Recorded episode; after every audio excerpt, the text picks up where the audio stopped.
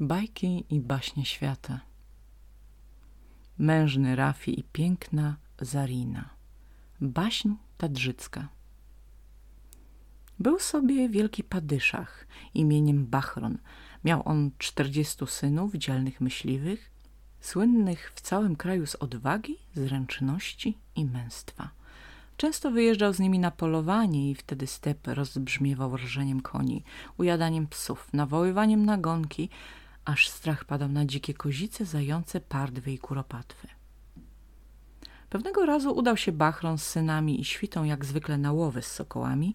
Pojechali daleko w step, aż do podnóża gór. Szczęście im dopisywało. Sokoły dzielnie się spisywały, każdy z myśliwców obwieszony był łupem. Kiedy z bogatą zdobyczą wracali do domu, zobaczyli nagle, że z wysokiej góry schodzi w dół do rzeki czterdzieści pięknych dziewcząt, które dźwigały wielkie dzbany na głowach. Zeszły w dolinę, naczerpały do dzbanów wody i zaczęły wspinać się na powrót w górę, aż zniknęły za przełęczą dzielącą państwo Bachrona od sąsiedniego. Zdziwił się padyszach Bachron, zdziwili się jego synowie, kiedy ostatnia z dziewcząt skryła się za skałami. Rzecze Bachron do swego wezyra. Wyślij gońców na górę, niech zasięgną języka i dowiedzą się, co to za dziewczęta. Może to peri tych gór, bo nie wyglądały na córki zwykłego człowieka. I po co one noszą wodę z rzeki na drugą stronę gór? Jest chyba w tym jakaś tajemnica, muszę ją poznać. Rozesłał wezyr gońców w góry. Pomknęli na chyżych konikach, wspięli się na przełęcz i zaczaili wśród skał, niedaleko ścieżki, którą przechodziły dziewczęta. Nie minęło czasu wiele, jak wrócili wysłannicy wezyra. Wybiwszy władcy pokłony, taką opowiedzieli mu historię. Za tymi wysokimi górami leży państwo Padyszacha Diera. Ma on czterdzieści córek i ani jednego syna. Zły def zamienił kraj Diera w pustynię, schną bez wody pola, sady i pastwiska. Rzeki i potoki świecą kamienistym dnem, bydło pada i ludzie mrą. Te dziewice z dzbanami na głowach to córki Padyszacha.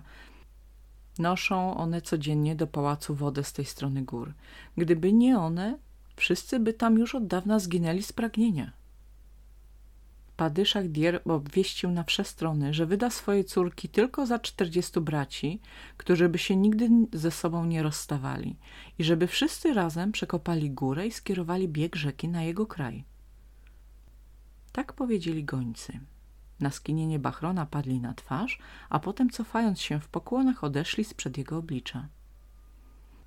A Padyszach wezwał swoich czterdziestu synów i powiedział Jutro pierwszy mój wezyr wyruszy w swaty do Padyszacha Diera. Pojmiecie za żony jego czterdzieści córek, któreście widzieli, jak niosły wodę przez góry. U ich podnóża musimy wspólnie przebić rzece drogę do ich kraju. U nas rzek wiele, nie będzie to z naszą szkodą, a zresztą i tak po waszych zaślubinach dwa nasze państwa w jedno się połączą. Tak wielki Bachron powiedział, tak się stało. Jego czterdziestu synów pojęło za żony czterdzieści cór Padysza Hadiera. Czterdzieści dni i czterdzieści nocy trwały uroczystości weselne. Setki baranów upieczono na tę ucztę. Wszyscy jedli, pili i się weselili. A potem książęta, wezyrowie i lud prosty, pasterze i myśliwi z obu krain wzięli się żwabo do roboty. Przekopali górę i odtworzyli rzece nowe ujście. Spienione wody spłynęły w dół na spalone słońcem pola i pastwiska. Wyschła ziemia piła wodę życiodajną, spragnione bydło z rykiem wybiegło do wodopoju. Ludzie się radowali i zwierzęta. Wielkie święto dla wszystkich nastało. Synowie Bachrona i córki Diera, wielkich padyszachów, żyli odtąd szczęśliwie w swoich pałacach. Najmłodszy syn Bachrona zwał się Rafi. Był to najdzielniejszy z bohaterów. Jak stepy długi i szeroki, jak góry wysokie, wszędzie pieśni o jego męstwie śpiewali pasterze przy ogniskach. Pojął on za żonę najmłodszą i najpiękniejszą z cór Diera, czarnowłosą Zarinę. Ale nie tylko cudne liczko miała Zarina i kibić smukłą, była nadto i mądra i dobra. W jej ogrodzie pasły się cudnookie gazele, przechadzały dumne pawie, skrzyczały różnobarwne papugi. Bystronogie konie i bure wielbłądy chodziły za nią jak wierne psy. A ona je głaskała po szyjach i cukrem karmiła. Tylko szczurów nie lubiła Zarina. Kiedy była jeszcze małą dziewczynką, piastunka opowiedziała jej, że zły dew zaklęty jest w szczurze. Odtąd bała się Zarina szczurów jak niczego na świecie. Gdy wody rzeki spłynęły z góry, pojechała Zarina w step nacieszyć się widokiem zieleniejących traw i pól, co były dotąd pustynią. Wtem widzi starca siwobrodego, który posochem się podpiera i po pas w wodzie brodzi. Pokój z tobą, starcze, mówi Zarina. I z tobą pokój, Zarino, starzec odpowiada. Skąd znasz moje imię? Dziwi się Zarina. A któż by nie słyszał w stepie o Zarinie, żonie dzielnego Rafi? Czego szukasz w rzece? Pyta Zarina. Szukam tego, com zgubił, rzecze starzec. A coś zgubił ojcze? Gałązkę cierniową.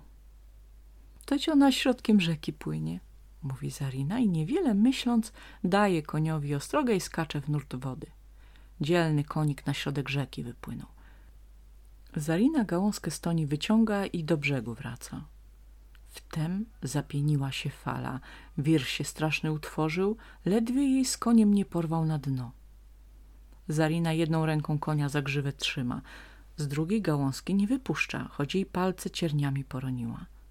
Wreszcie na brzeg się wydostaje i nie zważając na krople krwi, co jej z dłoni ciekły, powiada do starca. Masz tu, ojcze, swoją zgubę, wracaj do domu. Starzec gałązkę jak skarb największy pochwycił i uderzył nią o ziemię trzy razy. W tej samej chwili z ziemi kosz wyrósł, spleciony z łyka, a w nim ziarna przeróżnego stos. Za to, żeś mi pomogła, starca, nie wyśmiałaś jak z rozumu obranego, żeś gałązkę małą z burzliwej rzeki mi wyratowała, podarek otrzymasz ode mnie. Rzekł starzec. Weź ten kosz nasion, idź brzegiem rzeki i rozrzuć je po polach, po stepie szerokim. To powiedziawszy, zniknął w nurtach wody. Wzięła Zarina kosz, sieje ziarno, rozrzuca w koło nasiona, Wiatr je porywa, roznosi daleko po całej dolinie. Zarina własnym oczom nie wierzy. Z ziaren, z nasionek maleńkich wielkie drzewa wyrastają. Gałęziami szumią, chłodny cień rzucają. Tam, gdzie dotąd szczery piach, ostre i stepowe bodiaki. Teraz rozłożyste figi, migdałowce, jabłonki, wiśnie, brzoskwinie. Jak okiem sięgnąć, sad kwietny się rozciąga. Przeciera Zarina oczy, patrzy, a tu już figi fioletem ją wabią. Słodkie, mięciutkie brzoskwinie różowieją, jabłka się rumienią, granaty sokiem czerwonym nabrzmiewają, zwisają z krzaków winne grona. Zbiegli się ludzie zewsząd, krzyczą z radości, zrywają słodkie owoce, nacieszyć się nimi nie mogą. A Zarina wciąż z kosza nasiona pełną garścią wybiera i sieje i sieje w ziemię czarną rzuca. Nadjechali ze stepu synowie Padyszacha, dzielny Rafi z konia zeskakuje i do Zariny swej żony podbiega. Opowiada Zarina mężowi o tym, co się stało, o starcu z rzeki mówi, o tym, jak mu cierniową gałązkę stoni wyrwała, jak jej kosz podarował z nasionami, jak je po stepie posiała, jak sady cudowne z nich wyrosły. Dziwi się Rafi, owoców kosztuje – Dziwią się szwagrowie Zariny i głowami potrząsają, ustami cmokają zachwytu. Jeszcze nigdy w życiu tak słodkich fig nie jadł, mówi Rafi. A ja nie pamiętam tak soczystych jabłek, mówi starszy jego brat. Takich granatów na całym świecie nie ma, woła inny. Wtem niebo pociemniało, wicher zawył dziko i nad rzeką, nad sadami kwitnącymi wyrosła chmura piaskowa – ogromna, żółto-bura, śmiercią wszystkiemu, co żywe grożąca. Konie rżeć zaczęły przeraźliwie ze strachu. Wielbłądy poklękały na piasku, drzewa aż do ziemi się skłoniły od strasznego podmuchu. Twarze ludzi poszarzały z lęku. To zły def nadciągał. rozwścieczony tym, że Padyszach Dier ośmielił się przekopać górę i sprowadzić wody rzeki do swego kraju, zapałał zemstą. Postanowił zasypać rzeki piaskiem. Rozkazał wichrom skręcić się w trąbę powietrzną i powyrywać wszystko, co im stanie na drodze. Domy, drzewa, ludzi i zwierzęta. Blady strach padł na cały kraj. Wtedy mężny Rafi powiedział do Zariny. Żono moja ukochana, daleka droga mnie czeka. Albo zabiję Dewa i ocalę kraj od zguby, albo zginę. Weź mnie ze sobą, Rafi, bez ciebie życia dla mnie nie ma, a z tobą i śmierć niestraszna. Wtedy siedli oboje na rącze rumaki i popędzili naprzeciw piaskowej chmury. Tam mieszka Dew, za tą górą, woła Zarina i popędza konie, choć w oczy jej piasek bije, a wicher dech w piersiach zatyka. Sto razy piasek ich zasypywał, sto razy się podnosili i jechali dalej. Wreszcie stanęli na szczycie góry, ledwie żywi z utrudzenia. Nagle zaszumiały nad nimi czarne skrzydła i rozległ się śmiech Dewa. Był on tak straszny, że Rafi i Zarina zadrżeli dreszczem wstrząśnięci.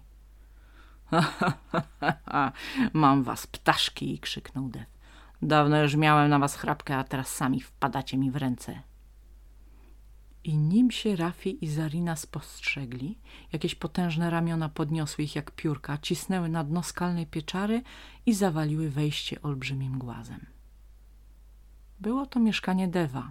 Wszędzie po kątach walały się kości i głowy zwierzęce. Na środku nad ogniskiem wisiał na żelaznych łańcuchach wielki kocioł.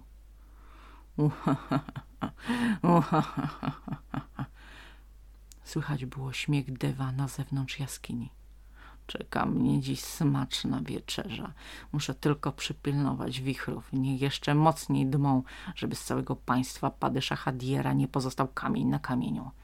Już on mnie popamięta, zuchwalec, za to, że mi nie chciał ofiar składać w ludziach. Raz na dzień jednego marnego poddanego mi żałował.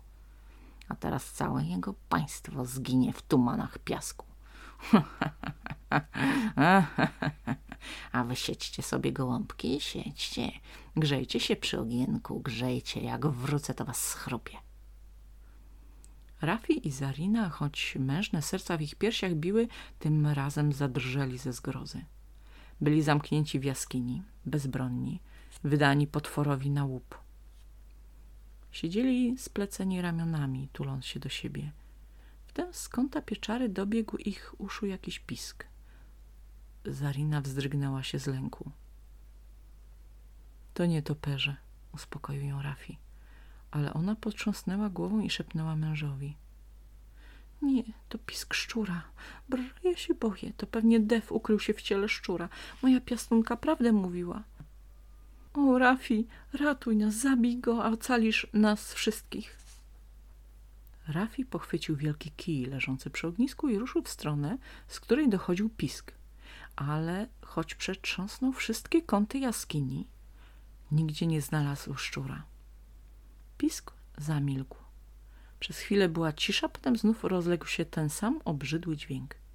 To tutaj, zawołała nagle Zarina, wskazując ciemną, kamienną skrzynię, stojącą pod skalną ścianą pieczary. W tej skrzyni zamknięta jest siła Dewa. O Rafi, rozbij tę skrzynię, a będziemy uratowani. Rafi uderzył kijem w skrzynię. Raz, drugi i trzeci, ale ona ani drgnęła, tylko kij połamał się w drzazgi. Co robić? Czym rozbić skrzynię? pyta bezradnie Rafi. O Rafi, podnieś ją w górę i roztrzaskaj o skałę, zawołała Zarina. Pochwycił Rafi skrzynię i chciał unieść w górę, ale choć wszystkie siły natężył, nie mógł jej udźwignąć tak była ciężka, jakby kto chciał górę podnieść w ramionach. Wtem Zarina ujrzała na ścianie pieczary maczugę żelazną. Rafi, jesteśmy ocaleni. To maczuga Dewa. Nią roztrzaskasz skrzynię na drzazgi. Zamachnął się Rafi maczugą z całej mocy. Skrzynia pękła pod ciosem i rozbiła się w kawałki, a jeden z odłamków trafił wielkiego, białego szczura rozległ się straszny ryk, aż się ściany zatrzęsły i kamienie sypać się zaczęły ze szczelin. Olbrzymi głaz zamykający wejście do pieczary zachwiał się, zakołysał i runął na ziemię, odsłaniając nocne niebo rozpięte nad górami. To ryczał z bólu Dev, który wrócił tymczasem ze swej wyprawy, by dostać się do wnętrza. Trafiony w samo serce niewidzialnym ciosem nie zdążył już wpełznąć do groty i padł martwy u proga. Jego siła, jego życie zaklęte były w szczurze. Gdy on zginął, nadszedł koniec panowania Dewa. Rafi i Zarina, uszczęśliwieni cudownym ocaleniem, wyszli z jaskini. Dosiedli wiernych rumaków, które czekały na nich u wejścia, rżąc niespokojnie i jak na skrzydłach pędzili do swoich braci i sióstr, którzy ich śmierć już opłakiwali.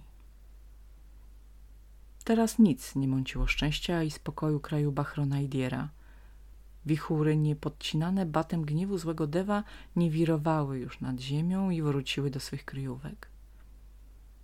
Tumany piasku nie groziły rzeką wyschnięciem, ni sadą zniszczeniem. Rozkwitła ziemia jak długa i szeroka, a ludzie pieśni śpiewali o mężnym Rafi i pięknej Zarinie, co ich od zemsty dewa uchronili. Koniec.